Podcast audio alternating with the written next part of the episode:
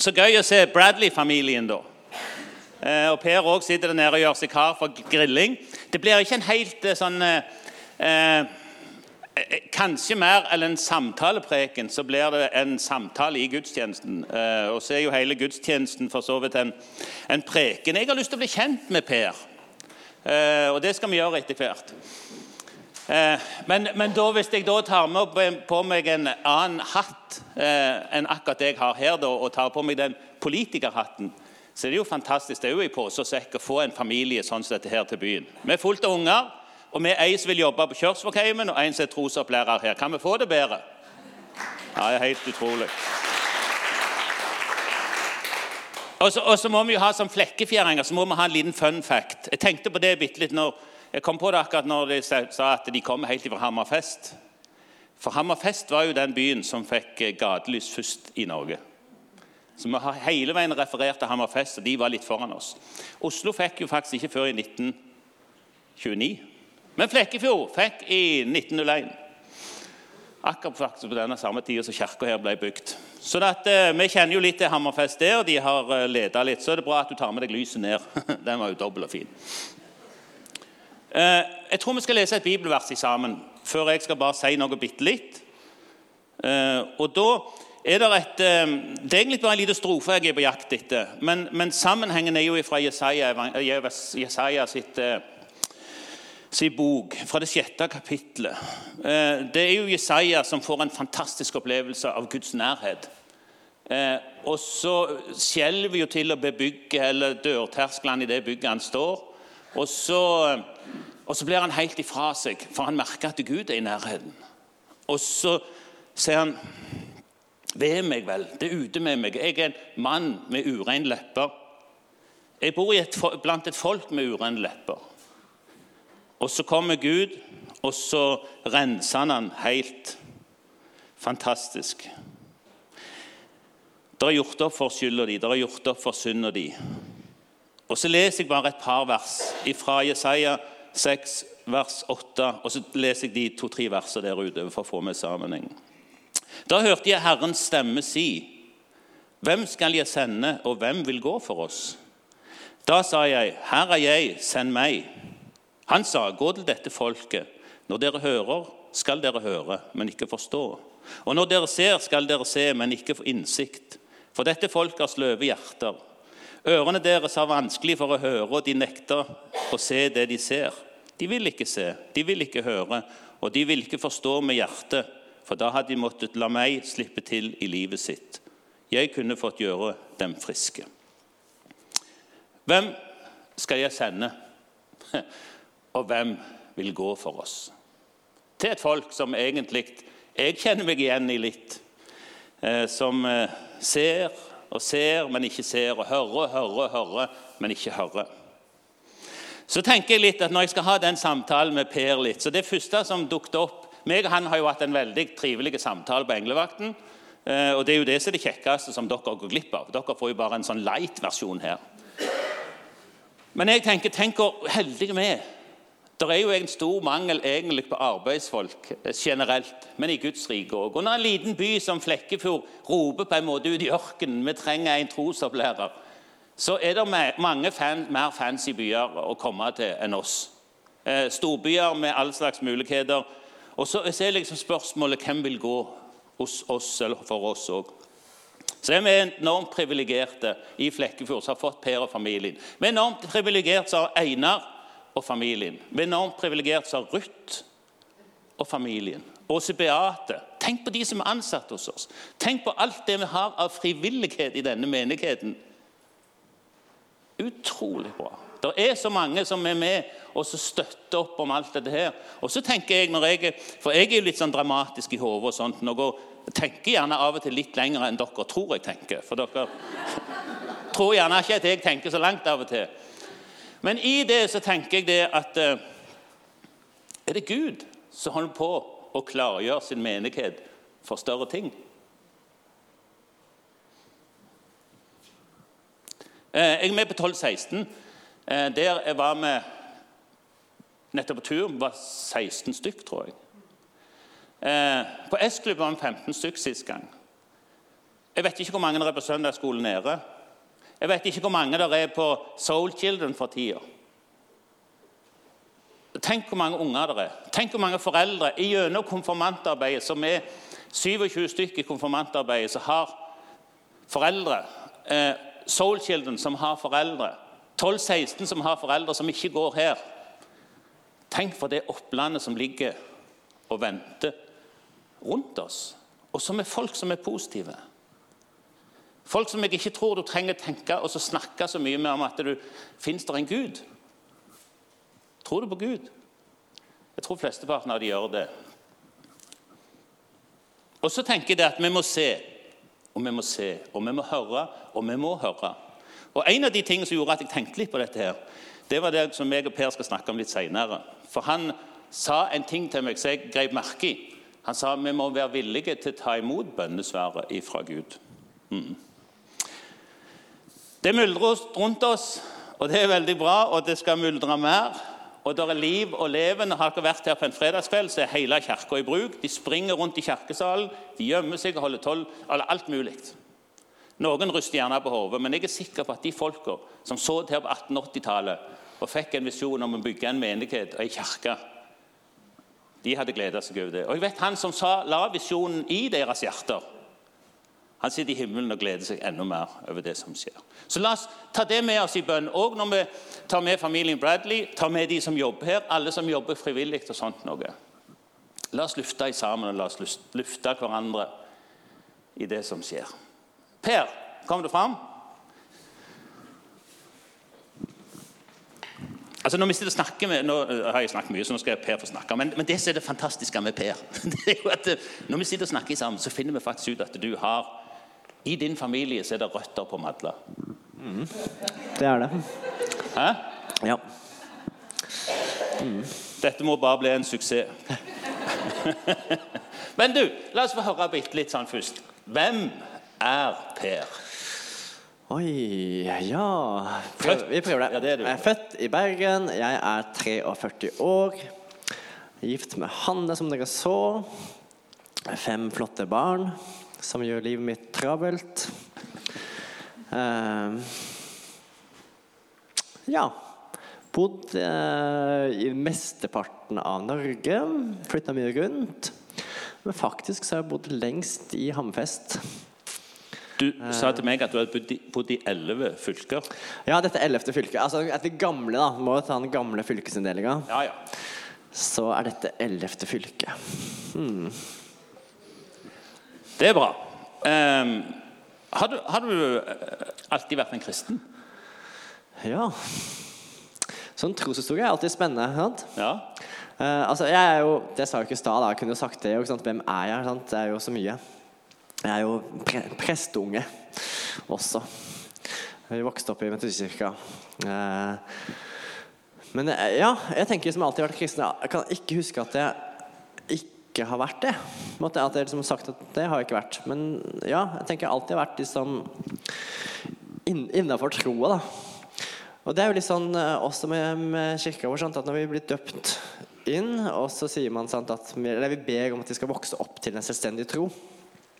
Og det tenker jeg kanskje Ja, det er litt av min historie, da. Mm. Og det har ikke den derre Ja, 6. mars 19 eh, et eller annet, så skjedde noe. Men at det ja, at det vokste seg fram. Mm. Men, men, du sa litt òg til meg at du hadde på en måte et eh, lite sånn at du en gang gikk fram til forbønn. og Var det kanskje mer for å vise overfor andre eller vise overfor deg sjøl, kanskje? Eller Jeg tror litt sånn begge deler. For det er jo alltid sånn i en, en historie, to historier, tror jeg, så tenker du, har du alltid noe sånn At noen, noen, ting du husker, og noen personer du husker. Uh, så den ene historien jeg delte med Arne, var jo kanskje jeg var sånn 10-11, tror jeg. Jeg husker ikke helt liksom husker ikke helt hvor gammel jeg var, eller når på året det var. Men jeg husker jeg bodde i Sandefjord, så jeg vet at det var sånn barneskolealder. Eh, og jeg husker at det var pappa som prekte, for han var jo prest, og det var jo som regel det det var, da. Jeg antar at det var et kveldsmøte. Men uansett, jeg husker at, at det ble bedt fram til alterringen. Sikkert til forbønn eller tror, litt sånn åpent, tror jeg. Og så husker jeg at jeg kjente liksom litt sånn hjerte, hjertebank. og så gikk jeg fram. Eh, og jeg tenker liksom, det var ikke da jeg ble kristen. Det var det ikke. For det tror jeg jeg var før også. Men jeg tenker liksom at da En av de punktene jeg kan liksom tenke At da viste jeg også for ja, for meg sjøl, men kanskje enda mer for de andre for menigheten, at dette var dette var liksom min tro. Ikke bare ikke bare mamma og pappas tro. Så, så det, det, husker jeg. Og det tenker jeg som det er en av, av mange ting, da, men en av de liksom, punktene i min troshistorie som, som, står litt ut. Ja. Mm. Du nevnte òg for meg at du eh, var det i Halden, kanskje? Dere, du var med i skolelag, og dere var ganske aktive. En sånn tid i ungdomstida ja. kom dere eh, Du levde jo ut i tro. Ja, så det her kommer neste punkt av, av, mange, av mange punkt. Men, men, dette når jeg var 18, sant? da hadde vi flytta til, til, Halden, ny by. Jeg hadde bodd der noen år. Eh, og så Året før så var det en kamerat av meg som starta et lite skolelag på videregående skole. Og så kom det en del nye til sånn neste året etterpå. Jeg gikk i tredje klasse på videregående, mitt siste år. Jeg var 18. Og så kom det en gjeng eh, frimodige eh, ungdommer på skolen, og de begynte å ha skolelagsmøter. Også når de ba Nå får du litt mer vet du, enn ja. det kanskje du fikk her på fredag. Når de ba, så kjente jeg at de hadde noe som ikke helt hadde følte jeg hadde. Noe mer som eh, Ja, med bønnelivet deres eller frimodigheten deres eller et eller annet. Et eller annet der. Jeg hadde jo Hva skal jeg si Vi ba selvfølgelig på gudstjenesten, ikke sant? Jeg var på gudstjeneste, og jeg var jo vant til at vi ba hjemme òg. Men kanskje i hvert den alderen så var det ikke så mange steder jeg i hvert fall ikke ba høyt med folk på den måten. Så tenkte jeg ok Det de har, det har jeg lyst også til å få litt tak i. Så jeg tenkte ok, her er det bare å kaste seg ut. Og så ba jeg altså høyt sammen med dem. Og jeg tror ikke noen kunne forstå hva jeg ba, for jeg tror jeg var bare sant? Eh, nervøs og litt sånn skummelt og redd og sånt. Men så kjente jeg kjente at det var, liksom, at det var liv. Det var det ene ting som skjedde. At liksom jeg kjente yes. Og så, og så ble jeg også oppmuntra av de andre. Så fint, Per, at du ba. Og så ble dette en, en kjempeviktig gjeng for oss, eller for meg. da. Eh, vi hadde bønnemøte hver dag på skolen. Jeg tror det var på morgenen.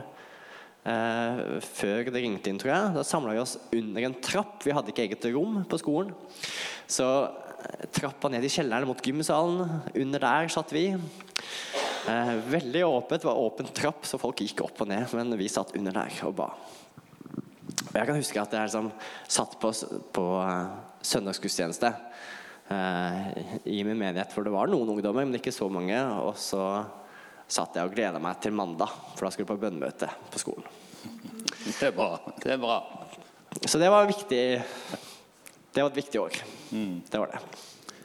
Spennende å høre. Det Vi også, vi må jo egentlig fortelle til menigheten litt eh, når vi skal gå videre litt hvem du er. og sånn. Men, men det jo at vi har jo en pastor her som er helt sånn spelegal. sant?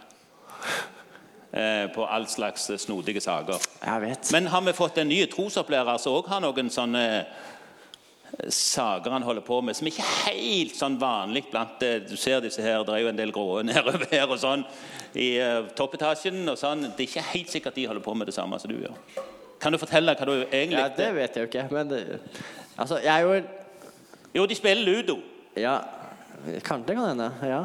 Men Nei, jeg liker, jeg liker det jeg prøver, prøver å si det. Altså, jeg liker brettspill veldig godt. Jeg gjør det. Så eh, jeg hang ned på terningen på onsdag. Det var veldig, veldig kjekt. Ja. Så det håper jeg får gjort masse.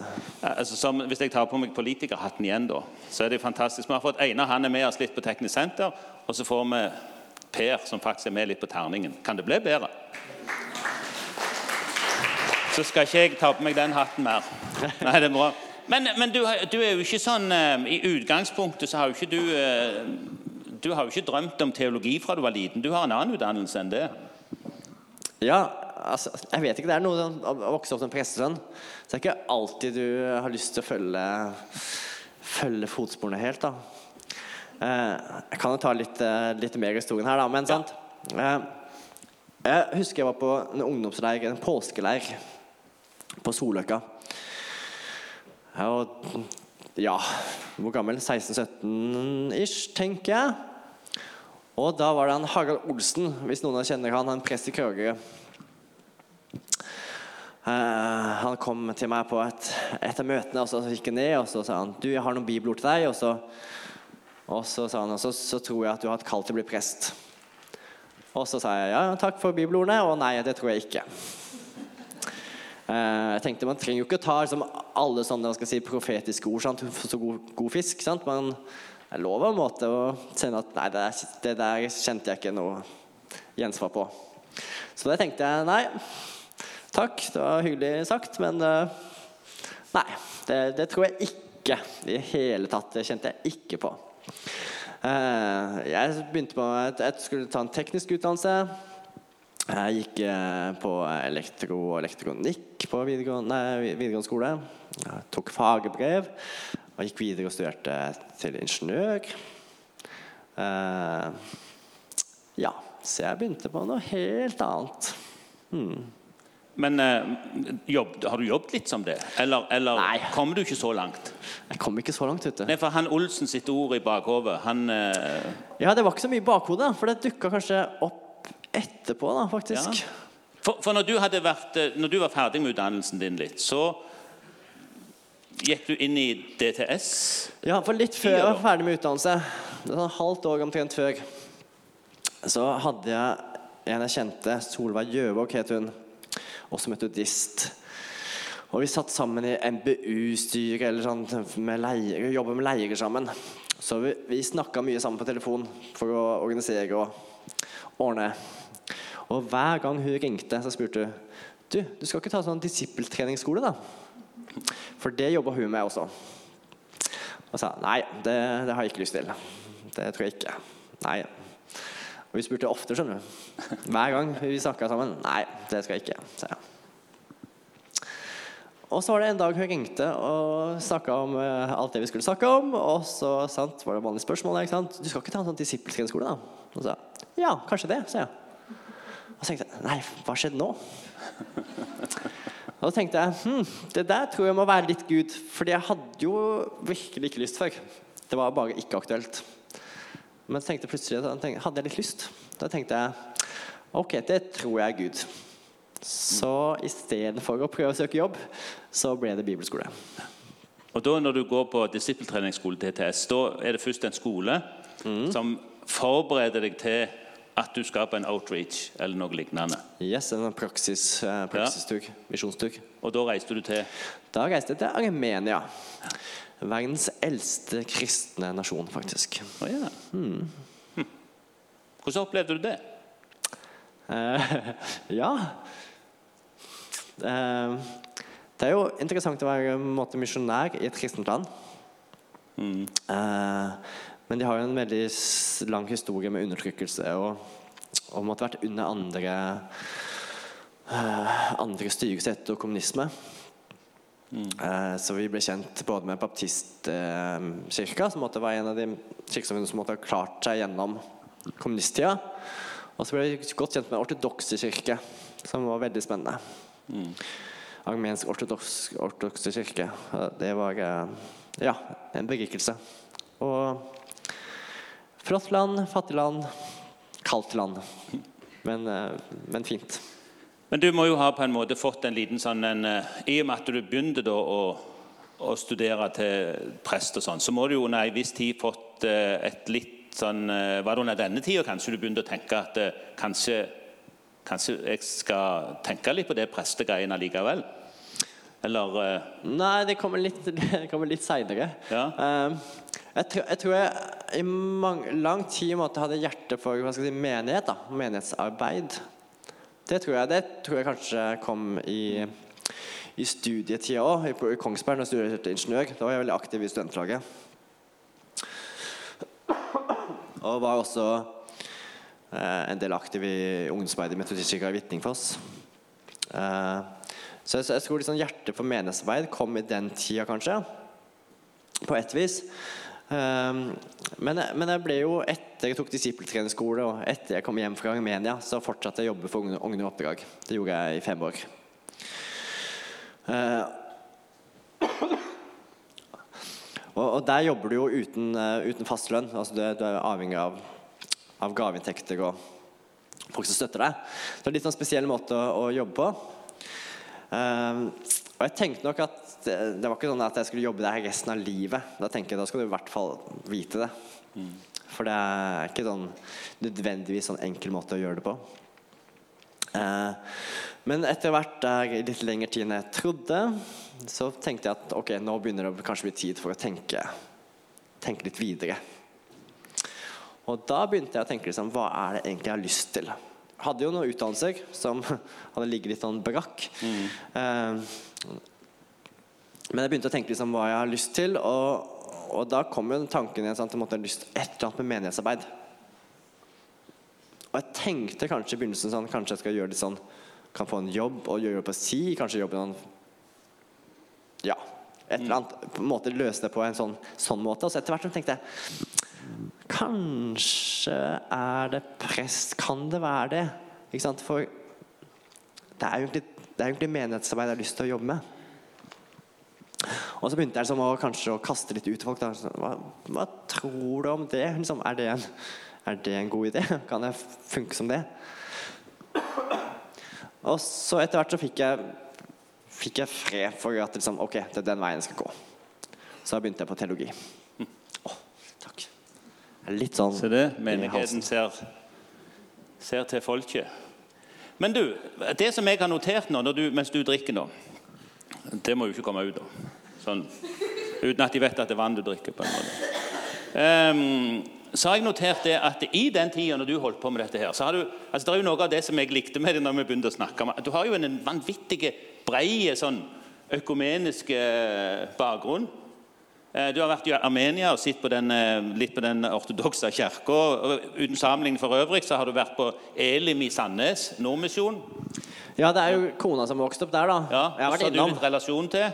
Men jeg har litt eh, Men ja, mer relasjon, til Nordmisjonen i Kongsberg. Å ja, ok. ja. Yes, ja men, men, det er jo samme, samme. Nordmisjon, Nordmisjon. Så det er fint. Og så har du eh, vår eh, bibelgruppe vært med i en bibelgruppe i Pinsekirka. Jeg leda en bibelgruppe med ungdommer i pinsemenigheten her på Hamar. Og så har jeg notert at du var med i mange år i NLM, altså Norsk Luthersk Misjonssamband, i Hamar sin menighet. Yes, der var jeg aktiv. Veldig fine år. Og så har du vært i UiO i fem år. I fem år. Tverrkirkelig organisasjon. Der er det mye Og folk. Så har du jo altså, eh, eh, Noe av det mest spennende som du har vært med på da, og som gjerne var i denne tida her, det var jo òg Subchurch. Eh, Er det noen som har hørt om Subchurch. Nei. Det er Ja, én var bra. Det er noe av det mer spennende som fins i Oslo. Det er ikke helt, Jeg jobber sammen med en som er i Subchurch. og Han fortalte om han kom hjem i sommer og vært på leir sammen med en pastor fra Hammerfest. og sånt. noe. Så, så fant vi ut at det var Per. Og der reiser du ikke hvis du er helt A4, altså. Du må iallfall være A3. A2. Nei, men Det er en litt sånn, det, det må dere hjem og sjekke. Det er en fantastisk menighet i Oslo. Men, men, men det viser jo noe av den enorme bredden du har. Og som jeg, eh, når jeg oppdaget dette her, er jo fantastisk. For vi, har, vi er nødt til å så- vi er nødt til å kjenne til hverandre. Jeg selv har jo en eh, misjonssambandsbakgrunn ikke sant? og statskirkebakgrunn og sånn. Vært med i Frikirke og sånn, og litt sånn forskjellig. Så det, det gjør jo noe med sinnet vårt. Desto du kjenner folk, desto bedre forhold får du på en måte til dem og sånn. Ok, men da er vi kommet, og du er, du er liksom Vi må jo komme oss videre her. Du har bestemt deg for at dette er veien. Og så hopper vi et skritt videre, og så er det Hammerfest som åpner seg opp for deg. Fortell litt om bakgrunnen og hvorfor du reiste opp der, og hva menighet det var og er egentlig. Ja, jeg tenker det er jo litt flere grunner da, til vi reiste opp dit. Uh, altså Jeg bodde jo i Hammerfest som, som lite barn. For jeg var et halvt til tre og et halvt år. Husker ingenting fra det. Men likevel sånn litt sånn link til Hammerfest, da. Kona mi hun er halvt finnmarking. Faren hennes er fra Vadsø. Så hun har absolutt vært mye i, Hamfe, nei, mye i Finnmark på, på sommerstid. Eh, så vi hadde en liten sånn eh, link dit. Og så er det sånn når du studerer teologi, så skal du ha praksis eh, i to omganger. Og min første praksis så tenkte jeg jeg har ikke lyst til å liksom havne i Oslo-gryta eller på Østlandet. Jeg hadde liksom lyst til å oppleve noe nytt, noe annet, litt annet. Og så hadde jeg hørt at i Hammerfest der skjedde noe. Altså Der var det ting i endring og vekst. Så tenkte jeg at det hadde vært bra. Og så var jeg litt sånn eh, eh, Hva heter det? Litt sånn, nesten litt sånn støtt av alle de som absolutt ikke skulle nordover. Tenkte jeg det er mye fint nordpå òg. Og noen må jo dra dit. Ja, Så da begynte jeg iallfall med å ha hadde praksis i Hammerfest i fire uker. Han Leif Anders Hansen, som var prest der, han sa han skulle prøve å lære meg alt han kunne. Og det prøvde han. Han er glad i å snakke. Så han prøvde virkelig å lære meg alt, tror jeg, i løpet av de fire ukene. Men det var veldig fint. Eh, og så tenkte jeg at ja, det er en menighet som passer meg sånn eh, i form og teologi og sånt. Og jeg likte dem, og jeg tror de likte meg. Og så visste jeg at han som var prest der, Anders, han bare venta på at noen skulle komme og ta over. Han var egentlig pensjonist. Så tenkte jeg hvis jeg sier at jeg vil til Hammerfest, så får jeg lov til det. Og det fikk jeg. Ham- Hammerfest var en menighet som egentlig var snakk om å legge ned på 90-tallet. Den var vel vedtatt nedlagt på 90-tallet. Så ikke bare snakk om, men det var egentlig vedtak på det. Etter det jeg har hørt. Ja. Og så var det noen som sa nei, det skal vi ikke gjøre. Eh, og så begynte de å jobbe for det, at de skulle, ikke skulle gjøre det. Men også begynte de å be. Og jeg tror en av de bønnene de ba, det var noe sånt her som at Gud, du, vi, vi klarer ikke å bære godt vitnesbyrd om deg lenger. Altså, vi klarer ikke å ta vare på bygget vårt, vi er for få. Så her må du gjøre noe. Og så skjedde noe. Ja. Ja. Og det er, da, det er da du forteller meg òg om at, eh, at de var på en måte i Hammerfest villige til å ta imot Du sa det vel på den måten at de var villige på en måte til å ta imot bønnesvaret? Ja, jeg, jeg, jeg tenker altså Noe av dette ligger jo måte liksom før jeg kom. sant? Men så tror jeg jeg så noe av eh, hva skal jeg si, fruktene og kulturen da, i menigheten jeg kom. Det var en av de måte, store bønnedamene i, i byen. Eh, Anna Elisabeth hun var død før jeg kom opp. Men eh, det hang et bilde av henne i Lillesalen. Og hun hadde fått et sånn syn at, at, at kirka skulle bli full igjen. Og på den tida her så var det få folk, altså. Eh, jeg husker ikke hvor mange det var, men det var bare en liten, liten håndfull. Men så tok de liksom tak i, i det synet hun hadde fått, og tenkte at det skal jo skje. Og når det kom nye folk til menigheten, så tok de imot dem. Om det var barn og unger og barnefamilier og alt mulig, og folk fikk lov til å utfolde seg og, og ta plass. For jeg tenker Det andre som kunne skjedd, var jo på en måte at, at de ba, også når det kom noen nye folk, så sa de at kjempeflott, men ikke akkurat på den måten her. Sant? Men jeg tror at hver gang det kommer noen ny til menigheten, så tenkte de at det her er et bønnesvar. Og, og den kulturen opplevde jeg også sant? når jeg kom nyutdanna opp til Hammerfest. Jeg var jo fersk prest. Gjorde helt sikkert mye rart. Og mye dumt. Og uerfaren og alt det der. Men så var det en sånn gjeng med mm, gamle damer, for å si sånn. De var jo eldre damer. Hadde sine faste plasser. Og det var så mye oppmuntring. Og så mye gode ord. Og det tenker jeg liksom. Det tenker jeg var, som var den derre kulturen da, de tok med seg. DNA-et. At jeg også måte var en del av det bønnesvaret. Og fikk måtte ta plass og, og vokse og prøve meg og feile og Ja.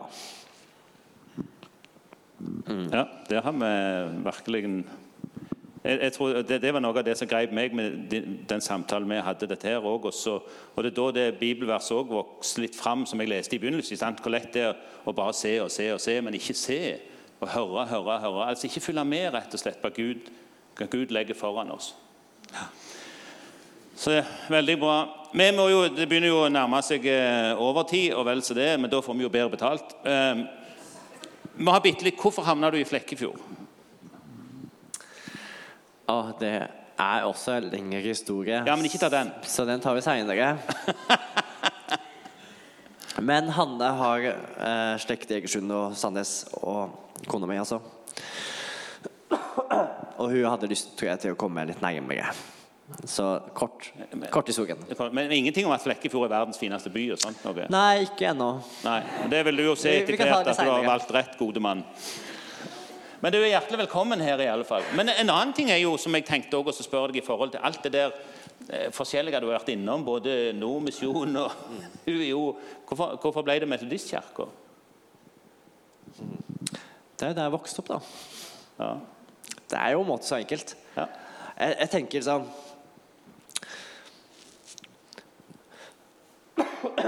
når folk, eh, når folk spør om det, eller om jeg kunne vært et annet sted, tenker jeg ja, det kunne jeg helt sikkert vært. Jeg tror det er mange steder jeg kunne vært. Mm. Uh, ja.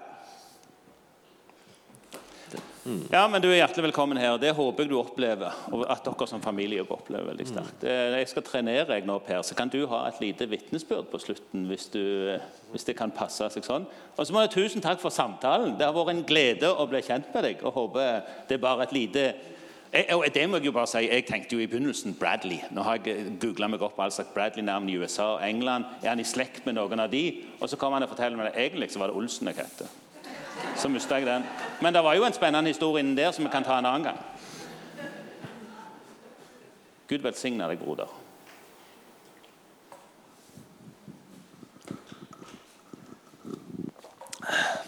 Det er bare Unnskyld at stemmen er litt sånn ikke helt på plass. Men jeg skal prøve likevel.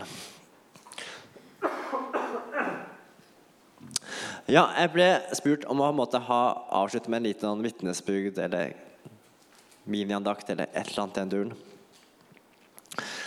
Og så lurte jeg nok veldig på hva skal jeg ta? Hva skal jeg si i det? Uh, ja, fyll på. Men så hørte jeg på en podkast. En liten sånn søndagsbetraktning på vei ned til kirka i dag. Det er jo sånn av og til med oss eh, predikanter og forkynnere og sånt at ting kommer i siste liten. Men der var det et sånt spørsmål som jeg fikk på øret da. Siste meterne frem hit. Hvem er din Johannes?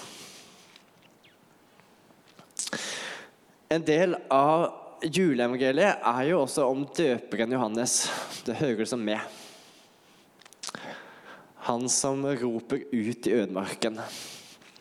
Rydd vei for Herren. Han som måtte gjøre ting klart ikke sant? og åpner opp.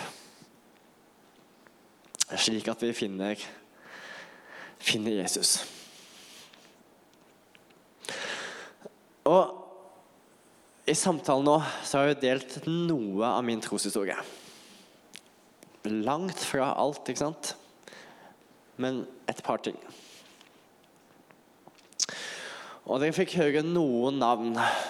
Sant? Men i den troshistorien min så er det mange navn.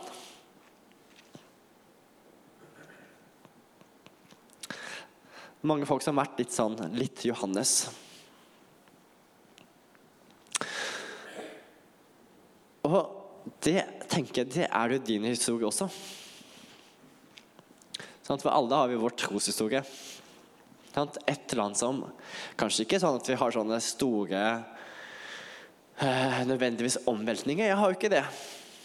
Sant? Jeg tenker liksom, Det har vokst seg til, men det er noen ting som måtte stå litt ut. Og det er det jo din historie også. Hvis du begynner å tenke deg om og kanskje begynner å fortelle din historie, så er det noen ting som står ut, og noen personer du husker. Kanskje ikke noen gang, kanskje mange. Sant?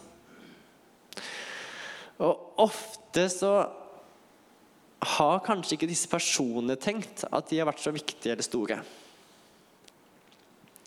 Men likevel så har de vært en sånn Johannes. Noen som har vært med å rydde vei. Hvem er din Johannes? Hvem har vært med å rydde vei for deg, slik at du skal få møte Jesus?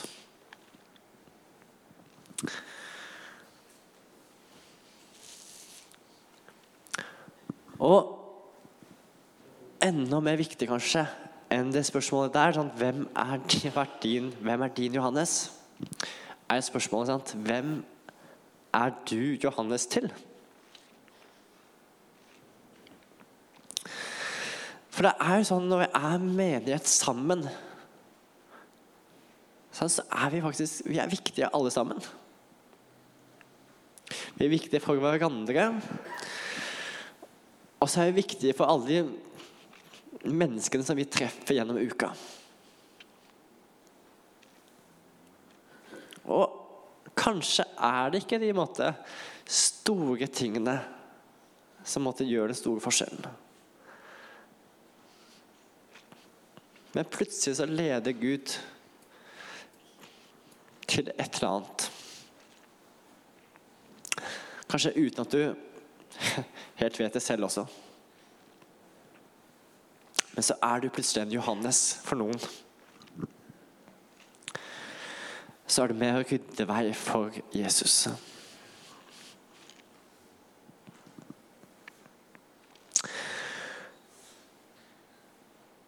Så jeg tenker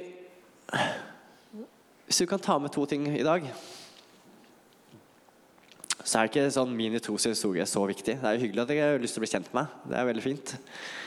Men, men tenk igjen din egen troshistorie. Og del den gjerne med noen. Snakk om det. Del liv, del historier. Og begynn å tenke etter sant? Hvem er min Johannes? Hvilke personer har vært viktige i mitt liv? Hvem er det som måtte ha vært de som virkelig har liksom rydda vei? Åpna opp. Det kan være berikende. Og kanskje er det også noen i din historie du skal ta en telefon til, eller sende melding til eller si ifra til at du, det du gjorde den gangen, det har vært viktig for min tro. Som for eksempel Harald, ikke sant? Harald Olsen som sa til meg at Jeg tror du har kalt deg å prest. Det tok mange år før jeg kunne si til han at du, nå husker jeg faktisk hva du sa. Og nå har det skjedd. Og så er det andre personer som har vært viktige, sant? Som, hvor rollene ser så liten ut. Men det har vært avgjørende likevel. Og så tenker jeg hvem du er, og hva du gjør, og hva du sier, og hvem du er. Det er ikke sikkert du tenker på det, men kanskje har det vært helt avgjørende for en annen persons tro. Og vi er menighet sammen. Nå har jeg blitt en del av en, en ny menighet. Det er flott. Og så får vi lov til å være menighet sammen, og så får vi lov til å bety noe i Flekkefjord. Og blant venner, kolleger, familie. Og så er du også en Johannes. En som er med å rydde vei. Ingen av oss er ubetydelige. Men vi er kirke sammen. Vi utfyller hverandre. Og så er vi Johannes her vi er. Noen som er med og rydde vei for Jesus. La oss be sammen. Kjære, gode himmelske Far. Takk for den tjeneste du har satt oss til. Til å være menighet i denne byen. Og takk, Gud, for at du har satt oss til å vei for deg.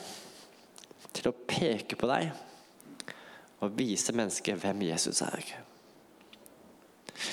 Må du hjelpe oss i vår tjeneste, Gud. Må du hjelpe oss i menneskemøter. Og må du lede oss slik at vi kan være med og lede andre til deg. Amen.